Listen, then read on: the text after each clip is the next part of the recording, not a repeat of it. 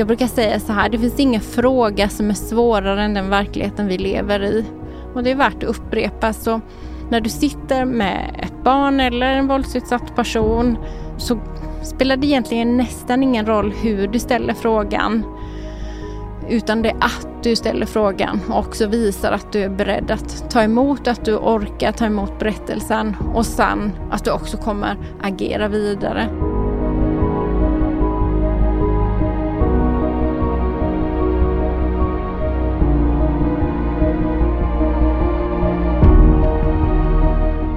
Välkommen till podden Mörkertalet. Jag heter Maria Larsson och är en social entreprenör med inriktning på brottsprevention och mänskliga rättigheter. Syftet med den här podden är att sätta ljuset på problem och hitta lösningar. Jag bjuder in gäster som har något att berätta och det blir ett samtal där vi diskuterar utifrån våra olika kompetenser och erfarenheter.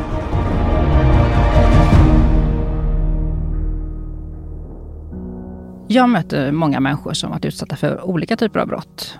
Men det finns en sak som bekymrar mig och det är att jag även möter många professionella som har egen erfarenhet av brott och som aldrig vågat berätta det för sina kollegor. De har alltså varit utsatta för brott tidigare i livet och sedan bestämt sig för att göra skillnad för andra. Antingen för att den hjälpen de fick var fantastiskt bra och de vill fortsätta på den linjen. Men det kan lika gärna vara så att de inte alls fick hjälp eller stöd som de hade rätt till och hade behövt. Utan där, som barn hade de tvingats att rädda sig själva. Och de vill inte att andra barn ska uppleva samma sak. Och idag ska vi prata om det här då, brott som drivkraft till samhällsförändring. Och med idag är åter Maria Lundberg. Varmt välkommen igen. Tack. Du berättade i förra avsnittet om din egen erfarenhet av incest och eh, den utsattheten, konsekvenser som det har gett. Och, eh, men du jobbar ju som professionell. Du är socionom och numera är du till och med universitetsadjunkt i socialt arbete.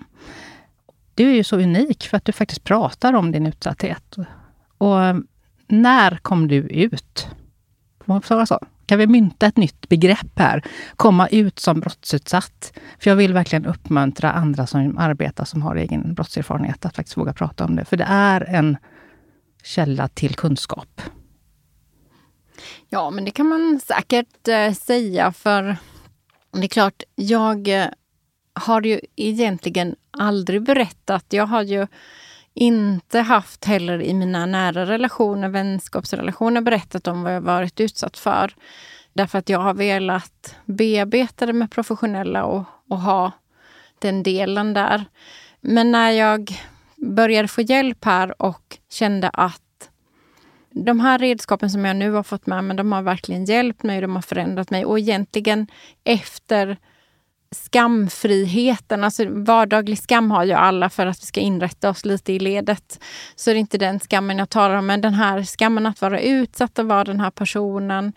När det försvann, då tänkte jag, men du, det här går att prata om. Och då tänkte jag så här, nu är det min tur att berätta. Nu behöver jag lyfta frågan, för man kan prata om incest, man kan prata om sexuella övergrepp, man kan prata om svåra saker.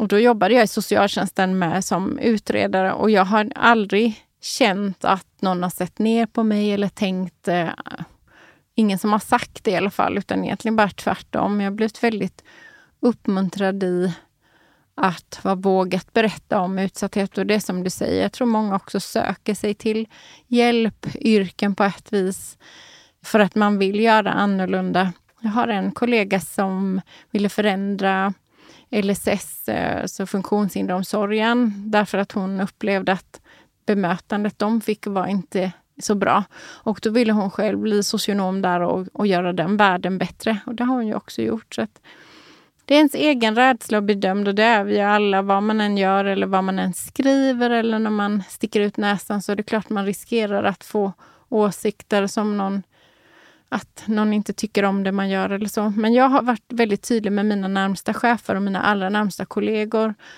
om min utsatthet. För det blir också min största sårbarhet i mötet med andra människor.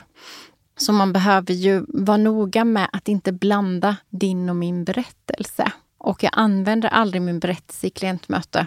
Så jag börjar aldrig säga, ja men det där var jag också utsatt för. Eller, utan, så det kommer jag aldrig fram till klienterna på det sättet. Men det, och den här bloggen Livet på SOS, den, när började den? När startade du den? Den startade jag för två år sedan. Mm. Då hade jag lyssnat på en polis som berättade vad socialtjänsten gjorde och då tänkte jag, nej du, nu är det dags att en socionom berättar vad vi gör. Och syftet med bloggen hade var, egentligen i början handlade om att om du vill veta hur man gör en utredning barn och unga kan du gå in på Socialstyrelsen. Där har de ju våra dokument. Men jag vill ge en inifrån bild av hur pratar vi med barn och när vi får tillbaka konsultationsdokumentet från förskolan som personal har fyllt i vid en utredning när man frågar in om mer material då, så har jag också velat berätta vad gör vi med de dokumenten och så vidare.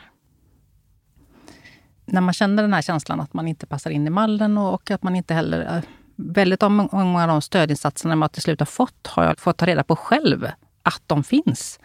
För att eh, man blir inte liksom um, ja, men behandlad som att man är ett brottsoffer. Och det menar inte jag med just det, det är en kliché, liksom då, men att man inte... Man, ser, man pratar, man kan föra sig, man är hel och ren och ja, man ser inte ut som den här klichén brottsoffer. Då. Och då är det som att man inte är i behov av hjälp och stöd. Hur ser du på det? För jag tänker, nu sitter du på två stolar där, både brottsutsatt och eh, är utredande. Ja, det jag kan tänka om det och det jag alltid tänker och det gjorde när jag pluggade också var på vilken sida av skrivbordet man sitter på socialtjänsten handlar om vad livet har tagit en och den ödmjukheten skulle jag vilja att man behåller livet ut. Det vill jag göra själv. Men jag tror att det viktigaste när man möter socialsekreterare är ju att veta att lyssna in och förstå ställa nyfiket utforskande frågor men också eh, när det gäller våldsutsatthet specifikt. Så det ena är ju att alltid tro kvinnan. Vi vet att det är jättesvårt att berätta, så när man väl är hos oss på socialtjänsten då har det gått väldigt långt. Men också fråga efter eh, hur personen själv vill få skydd. Och det kan jag tänka när jag satt på socialtjänsten och var, skulle bli placerad. Då säger socialsekreteraren till mig att och lite hurtigt så. Vi har hittat ett familjehem till dig. Det är en jättesnäll mamma och pappa ute på landet. De har hästar, hundar och katter. Och eh, jag är en stadsunge. Jag vill ha en gatlykta utanför fönstret egentligen. Så dit där vi bodde, där jag växte upp en del av min tid ute på landet, det gjorde mig rädd bara liksom den tillvaron egentligen. Och då tänkte jag där, hur kommer det sig att socialsekreteraren tror att jag ska kunna lita på någon ny förälder som bor långt ute på landet, nästan inga grannar. Jag har aldrig varit speciellt förtjust i djur på det sättet att jag har varit någon hästtjej eller velat ha massa husdjur. Så det är ju också en bild av som socialsekreterare behöver tänka till kring vem äger bilden av verkligheten? Och det behöver man vara ödmjuk och lyssna in. När det gäller våld i nära specifikt så vet kvinnan exakt när det har hänt saker hemma som bidrar till att mannen eller den våldsutövande har eh, ett eh, annat eller ändrat beteende.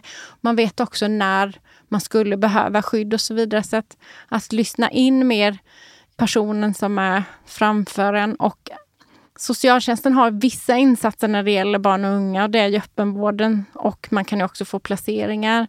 Men sen tycker jag att civilsamhället har en jätteviktig roll där socialsekreterarna behöver kunna veta vad erbjuder andra enheter som inte är kopplade till myndighet. Skulle det kunna vara någonting som man också skulle kunna få stöd? För då kan du få det utan ett ett eh, myndighetsbeslut eller ett biståndsbeslut. Och det kan i vissa fall vara lättare för en person som behöver hjälp att söka sig det kan vara ännu mer låg tröskel att komma in i en verksamhet som man inte först behöver bli liksom bedömd Alltså socialtjänsten är en skattefinansierad verksamhet där man också ser på, där man bedömer behovet och om behovet matchar det som man kan hjälpa till med. Men det finns andra verksamheter som civilsamhället har där det finns till exempel grupper för barn som har vuxit upp med föräldrar med missbruk och så vidare. Där det inte är de inkörsporten. Så det tänker jag också uppmuntra till. Det som jag hade mest hjälp av kan jag säga då, för jag tänkte att jag ska lyfta det som är bra också, av socialtjänsten, det var kontaktpersoner. Att det blev beviljat som stöd. Och det var ju en sån grej som jag fick ta reda på själv. Jag hade ingen aning om att det ens fanns eller möjlighet. Då. Så det har ju alla mina barn fått varsin beroende på deras behov. Då. Och det, det har varit otroligt bra för dem att de har fått en utomstående person som funnits där för dem under en längre tid och de har gjort saker tillsammans. Och det har inte varit terapi utan det ja, man går och fikar eller gör någonting. Och så otroligt värdefullt för dem att i en, en ålder där man inte kanske har den här möjligheten att få ja, men, prata med andra vuxna som inte är i skolan då, för det är ju väl de flesta då.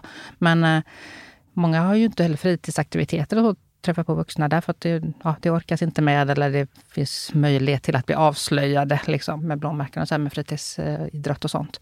Så att eh, att få sådana kontaktpersoner då, det har ju varit otroligt bra. Men sen har vi faktiskt testat på det här med frivilliga organisationer då. Så det kan jag också rekommendera. Men det var ju också något man var tvungen att ta reda på helt själv, att det fanns då.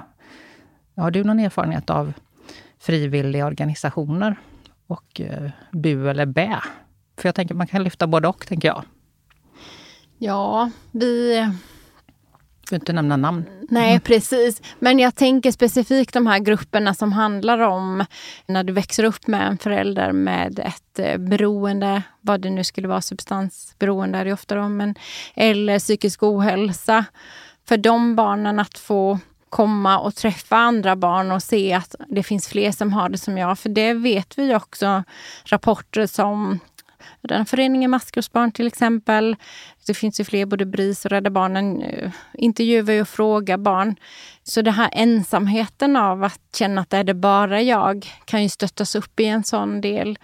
Så ja, det tänker jag. Jag vet på en socialtjänst jag arbetade så hade vi helgkollo varannan helg. Och det beviljades till barn som hade behov av det helt enkelt. Och de barnen själva beskrev ju de här helgerna som nästan livsavgörande i deras liv. Då hade de mat, eh, de fick träffa vuxna. Det kändes som att de var en som alla andra. Som var väldigt, väldigt viktiga.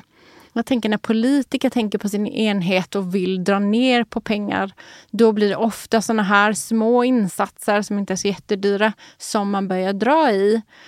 För när man ska justera sina fyraåriga budgetar då, och och eh, det kan jag bli så förfärligt ledsen över, för när man hör varje enskilt barn som beskriver det som så fantastiskt, så tänker jag att det kan bidra till så mycket för de här barnen när de är vuxna, att man tänker tillbaka på en sån insats. Och lika så som kontaktperson, det har jag beviljat många gånger. Det brukar också beskrivas som en jätteviktig relation. Och barnen får möjlighet att inte göra grejer med mamma och pappa, eller, utan precis en annan vuxen som lyssnar eller så. Gå på bio eller fika eller vad man nu, så att det blir liksom mer vanligt. Så. Ja, så det är viktiga insatser att fortsätta med. Jag kan bara stryka under det här med eh, att få gå på läger eller vara i en annan miljö. Hur viktigt det är för mina barn och andra som är utsatta. De känner sig som UFO. De känner ju verkligen att de har inte passar in kanske i vanliga klassen. De har ju alldeles för mycket erfarenheter som en normal barn inte ska behöva ha och inte har fått. Eh, och fått uppleva och ha så mycket erfarenheter som man eh, behöver hantera. Så man känner sig väldigt annorlunda. Men när man då får vara i en miljö med andra barn som har en liknande utsatthet, då känner man sig som att man är normal och som att det är man känner sig inte konstig. Och det i sig är väldigt läkande. Ni som nu håller på med och gör såna frivilliga, både genom socialtjänst men även frivilliga organisationer som har eh, både kollo eller insatser, så eh, all eloge till er. Och ni som inte stödjer den här typen av verksamhet, gör det. Håll upp era plånböcker och eh, swisha till de här organisationerna som hjälper barn på olika sätt. För att det är, som du säger, livsavgörande. Att de känner att de får slappna av, att de får vara den de är, bli sedda och bekräftade för den de är. Som alla människor ska göra. Men de här barnen är otroligt utsatta. När jag eh, lämnade och ehm, började liksom förstå det här med våld nära och eh, övergrepp, så blev jag väldigt intresserad av hur tänker man i samhället och hur jobbar man och hur, varför gör man som man gör. Så att jag eh, gick på väldigt många konferenser och, och även mindre utbildningar så, där jag var den enda personen som betalade ur egen ficka. Det var bara socionomer kanske runt mig. Eller så här. Jag ville veta hur pratar man om, hur adresserar man problemen? Och jag kände det som att det fanns en slags beröringsskräck kring det här med att faktiskt ta in våldsutsatta själva för att liksom höra med erfarenheterna som man har, hur man kan bli bättre. Och där tänker jag att det i linje då med att du faktiskt är professionell och har gått ut med att du har egen erfarenhet. Eh, även om du inte använder det i klientmöten då, så ja, sen några år nu då när du är öppen och har en blogg om det här då, och till och med startat företag, så är det ju helt öppet att du faktiskt har en egen utsatthet. Jag upplever att det är tipptoande, liksom att man behöver vara lite minerad mark som brottsutsatt. Har du känt av det? Jag tänker att det är ehm, svårt att ställa frågor om utsatthet överlag. Men socialtjänsten specifikt behöver kunna det och jag tror att man behöver träna på det. Det finns en forskningsstudie från Linköpings universitet som har kollat på försummelse. Det man kallar omsorgssvikt förut. Och där har de sett att socialsekreterarna tenderar, när de träffar en mamma som kämpar men man ser att det ändå inte är good enough. Man kan ändå inte hjälpa eller stödja sitt barn tillräckligt bra. Så har socionomerna tenderat att bara lyfta upp och se, men hon kämpar ju mamma. Och då står det så här. Det socionomerna behöver träna på att lära sig, specifikt inom socialtjänsten, det handlar om att se att okej, okay, mamma kämpar. Men det är ändå inte tillräckligt just nu, utan man behöver ändå gå in med stöd. Och jag tror att eh, vi kan lätt gå lite vilse. Och ska man komma till barnutredningar så använder vi ju Socialstyrelsens BBIC, Barns behov i centrum. Men när du har en familj så finns det ju det är lätt att man halkar in i vuxenperspektivet och det är socialsekreterarens största uppgift att vidmakthålla barnperspektivet. Och att inte prata med barn. Jag skulle önska att man pratar med barn i alla förhandsbedömningar som socialtjänsten har. För man har sett att eh, barnen inte alltid kommer till tals då. Och att man också talar om vad det är man, man ska göra på socialtjänsten och varför. Det jag har kunnat uppmuntra mina arbetsgrupper till, det jag har varit med som anställd, det är ju att jag brukar säga så här, det finns ingen fråga som är svårare än den verkligheten vi lever i. Och det är värt att upprepa. Så när du sitter med ett barn eller en våldsutsatt person så spelar det egentligen nästan ingen roll hur du ställer frågan. Utan det är att du ställer frågan och också visar att du är beredd att ta emot, att du orkar ta emot berättelsen och sen att du också kommer agera vidare. Så det tror jag att jag tycker att vi vill så gärna. Jag menar, socialsekreterare är en grupp som söker sig dit för att man vill göra något bra för barn. Men det är svårt att prata om svåra saker. Så det är klart att vi behöver öva på det.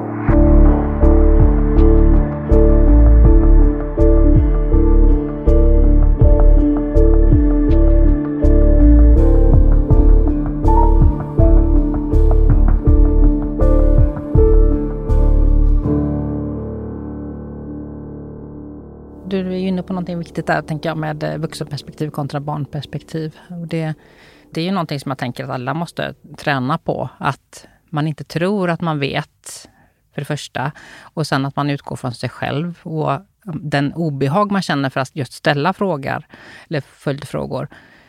Och som du säger, ha med sig att eh, det är ju värst för den personen att ha upplevt de här sakerna. Och anledningen till att varför vi sitter här är ju mycket värre än själva frågorna. Och det är klart att det går att ställa klumpiga frågor och allt möjligt sådär, men det går ju ändå att rätta till och det handlar ju om att få ett förtroende och skapa en relation som gör att man litar på, som utsatt om, oavsett om man är barn eller vuxen, att man tror, både du kan klara av att, lyssna på det här och du tror på mig och bekräftar det jag säger. För det är så oerhört viktigt att få känna det, att man blir lyssnad på. Och mm, att få vuxenperspektiv då, där man inte vågar ställa frågor eller inte vågar tro att det är på ett visst sätt och eh, nonchalerar eller, eller inte liksom vågar tänka den hela tanken. Det gör ju att man är kvar i den världen som utsatt. Och när man har kollat, de gjorde en undersökning för barn som är i familjerättsprocessen med en familjehemssekreterare då på sekreterare på familjerätten, ska jag säga, så jag säger rätt här. Då har de ju pratat med barn och då säger en del barn i den här intervjun att eh, hon frågade vad mitt favoritämne var i skolan och hon frågade vad min favoritmat var. Men det var ingen som ställde frågor om pappa och pappas våld. Och det är där vi behöver närma oss kärnan och jag tänker att barn som har vuxit upp som jag har gjort och barn som växer upp med eh, föräldrar i missbruk och så vidare. De vet redan vem mamma ligger med och inte. De vet vilken ekonomi man har. De vet väldigt mycket olika saker. Och att inte då vara ganska rakt på sak. Jag brukar tänka så här, när du har barn på socialtjänsten i ett barnsamtal. Låt barnen ha kvar sin mobiltelefon. Det kan ju vara en jättetrygghet att sitta liksom och titta på den. Sätt dig vid sidan. Man kan rita. Bara så att man slipper ha ögonkontakt. Och sen tänker jag, när man ska prata med barn om svåra frågor, då skulle man bara kunna öppna med på socialtjänsten och säga, nu är du i ett hus där vi alltid ställer svåra frågor, för vi undrar hur har man det hemma? Och sen så ställer du frågan bara rakt på sak. Är det någon som tar dig på kroppen på ett sätt som inte känns bra? Eller är det någon som har tagit hårt i dig eller slår dig hemma? Eller någon annanstans. Och så ärligt kan man presentera det för barnen, för de vet ju redan om hur, hur verkligheten ser ut. Och inte vara rädd för att heller fråga igen då, för att jag tänker att många säger nej ibland. För att man är både rädd och inte litar på och skamfylld och allt det här vi redan har pratat om. Och att man även kan upprepa frågan på ett annat sätt. Mm. Barn är lojala. Och det kan man höra också då när man har föräldrar som är i en vårdnadstvist. Och, ja, men han säger att han har det så bra hos pappa, han säger att han har det så bra hos mamma. Alltså barnen vet ju, och barn vet ju att man inte kan klara sig själv. Det är det ena, det är ju bävande att tänka att du är sju år så vet du att det här reder man inte ut själv. Så det behöver man ju också få fatt i. Ja, men jag tänker också att skapa en miljö där barnen känner sig trygga att berätta. Det är väl det viktigaste. Det kan man öva på, tänker jag. Hur många barnsamtal har man i en, man säger en utredning? Det går inte att svara på. Det skulle Nej. jag önska, men det ser ju olika ut. Mm. I mottaget hade vi, när jag jobbade i mottaget, då hade vi som mål att prata med alla barn i förhandsbedömningen. Men där behöver du också be om vårdnadshavarens samtycke att prata med barn och det är väl bra att göra överlag. Så i utredningen så ingår ju det att man har barnsamtal, men det ser väldigt olika ut. Det beror på i socialtjänsten så arbetar man ju efter alltså frågan i orosanmälan. Därför att man får inte heller utreda mer än vad som är nödvändigt. Så man håller sig ju kring den frågan. Jag har träffat en del som, när jag frågar kan vi prata lite om hur det är hemma? Jajamän, det kan jag berätta för dig. En del berättar jättemycket och en del berättar väldigt lite. Så det ser väldigt, och det kan jag inte säga, det ser väldigt olika ut. Men du ska ju fylla ut din utredning så att du kan analysera och svara på frågeställningen egentligen. Finns det någon insats som den här familjen kan ha behov av? Det här med frivilliga insatser. Det enda verktyget som socialtjänsten har egentligen, som är det skarpa verktyget, är ju LVU. Då. Och sen har vi de här så kallade då frivilliga insatserna, där man måste komma överens med föräldrarna. Personligen kan jag ju tycka att eh, det borde finnas något däremellan och att eh, för de, de föräldrar som faktiskt skadar sina barn, föräldrar eller föräldrar båda, eh, de är ju helt ointresserade av frivilliga insatser. Och LVU är ju ett jätteskarpt verktyg då. Men hur skulle det kunna se ut för att man skulle kunna få någonting däremellan? Ja, det vet jag inte. Det har jag faktiskt också önskat att det skulle finnas någonting. Utan det vi det vi gör som socialsekreterare, vi vet ju hur lagstiftningen ser ut förstås. Och att det är frivillighet och frivilliga insatser och samarbete. Så du behöver få föräldrarna med dig. Och det jag också vet av det är ju när man har intervjuat barn som har blivit placerade i ja, familjehem fast frivilliga insatser. Då har ju socialsekreteraren sagt så här att eh, om det har varit förälder med missbruk, till exempel alkoholmissbruk, då har, kan socialsekreteraren ha sagt så här att eh, ja, men pappa är väldigt trött nu och han kan behöva få vila lite och nu får Kalle då bo i ett familjehem. Och det här barnet som hela tiden vet att det har varit ohållbart att vara hemma för pappa dricker för mycket eller vem det nu är. Har känt så här, aha, så då var det mitt fel då. Och det tycker jag att den här frivillighetslagstiftningen ändå bidrar till att socialsekreteraren vet att om man går för hårt åt föräldrarna då kanske föräldrarna helt backar och då får Kalle ingen insats alls. Och för att få till den här eh, insatsen att man kanske bor ja, med varannan helg i ett annat hem så behöver man få en, en relation så att föräldrarna tänker att det här också är en bra idé. Men resultatet av det kan ju vara som barn berättar då. Man känner att var det mitt fel då? Så att det är en jättesvårighet och det är ett stort steg till... Det är en stor glapp mellan socialtjänstlagen och tvångslagstiftningen LVU. Mm. För LVU betyder då lagen om vård om unga och innebär att man kan omhänderta ett barn då för att säkerställa att de inte far illa eller gör sig illa. Ja, jag önskar ju också att det fanns fler verktyg där, för det blir ju väldigt... Jag kan tänka mig då som socialsekreterare att man måste typ antingen gulla väldigt mycket eller nästan lura så att det blir frivilligt. Att man behöver ju förhålla sig till det man får reda på och sen försöka få då en eller båda föräldrar då med på det här tåget helt enkelt. För det är en väldigt, väldigt svår situation, tänker jag. Man, man hade behövt mer verktyg som socialsekreterare. Ja, och jag kan tänka när det gäller till exempel beroende då, eller annan problematik också i och för sig. Då vi säger att man går in och placerar och sen kan inte syskonen vara tillsammans eller så. Då vet vi ju att det äldre syskonet, och det berättar de också i Socialstyrelsen intervjuade ju barn i familjehem. Och de bekymrar sig väldigt mycket för det ansvaret som de hade att natt stötta sina syskon och se till att det finns mat hemma, att barnen, att syskonen kommer till skolan och så vidare. När man separerade barnen då visade det sig att det här äldsta barnet lever egentligen tryggt i ett familjehem men väldigt orolig för sina småsyskon. Så jag skulle önska att socialtjänsten också hade mer verktyg och redskap för att gå in och stötta vårdnadshavare som har bekymmer men som ändå har möjlighet med mycket stöd att kunna vara föräldrar. Det hade jag önskat och när vi pratar fri, alltså tidiga insatser så tänker jag att där skulle socialtjänsten ha mycket mer att, att sätta in. Det hade jag önskat. Det tror jag hade blivit bättre för de här barnen än att flytta till en helt annan familj. Ja, helt enig. Att få alltså, föräldrautbildning, få stöd på olika sätt två, det finns ju väldigt många saker som man skulle kunna göra för att stödja familjer och föräldrar då. Där det inte då är så illa som de här brotten vi varit inne på tidigare här. Men att man kan få, på hjälp på vägen. För alla har ju inte, man av olika skäl. Man kanske mår väldigt dåligt eller som man är inne i missbruk eller någonting. Man behöver olika typer av stöd för att vara en bra förälder helt enkelt. Har du upplevt att dina kollegor har varit liksom tacksamma för att du eh, har delat Alltså att du har egen erfarenhet och delar med dig av det till dem, tänker jag, som arbetslag. Ja, det tycker jag. Ja, men på ett vis har det väl varit lite hoppfullt även att man kan gå igenom det jag har gjort och ändå komma ut på andra sidan och kunna få vara med och, och arbeta för att barn ska få det bättre. Men också är jag ju väldigt intresserad av barns uppväxtvillkor. Jag är specifikt intresserad av våldets konsekvenser mot barn. Så där har jag också kollegor som, som tycker att det är ja, men spännande och intressant att få höra. Det blir att man själv hänger med och ser hur kan man hjälpa barn och så vidare.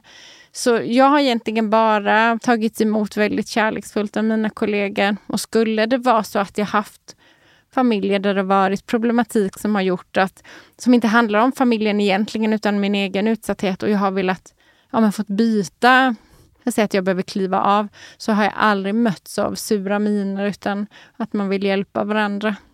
Jag tycker överlag barn och unga och socialsekreterare försöker få det att fungera på sina avdelningar. Så jag är väldigt eh, vänligt bemött. Mm, fint.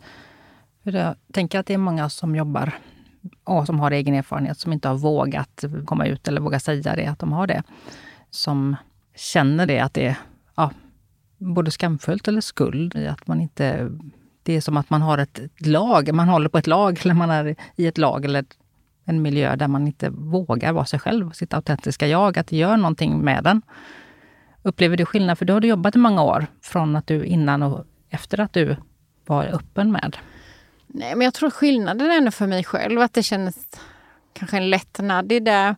Men jag tror också att, eh, för jag pratar ju öppet om det och jag tänker att vi har haft klienter som har gått specifikt till någon kurator som alltid använder sig själv som exempel och hennes väg mot läkande.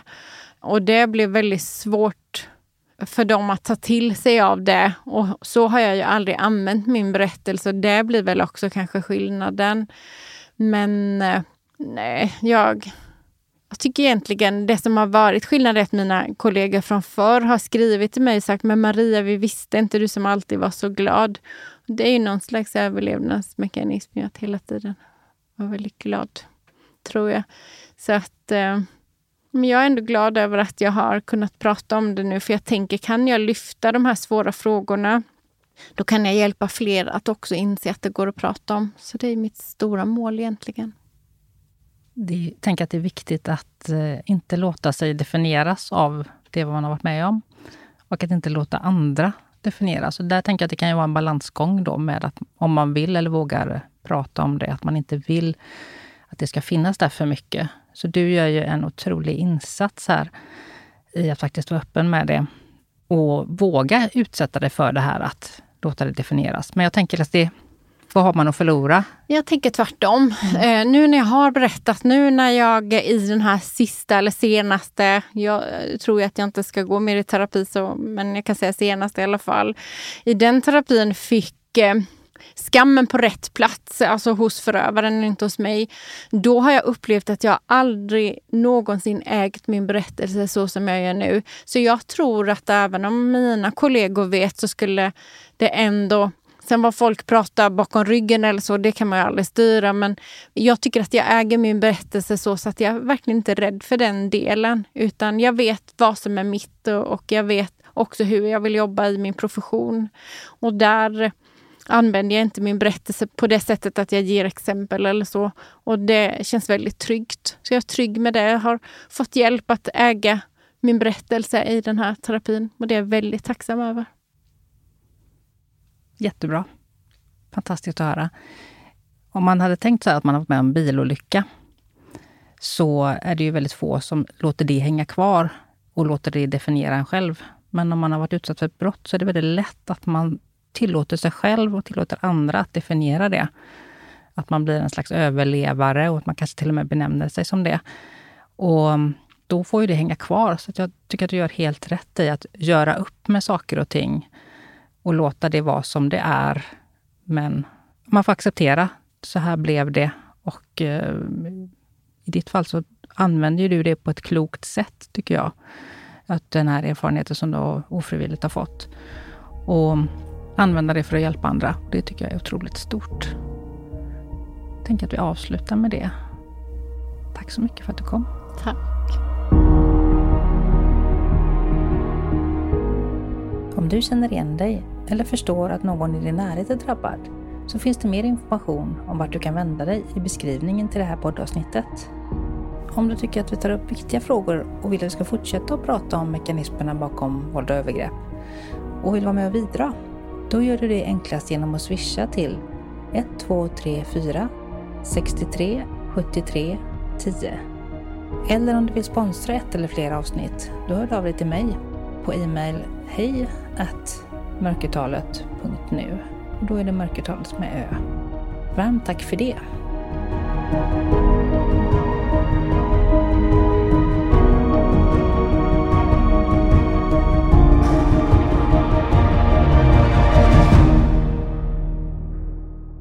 Podden Mörkertalet produceras av mig, Maria Larsson och Stray Dog Studios.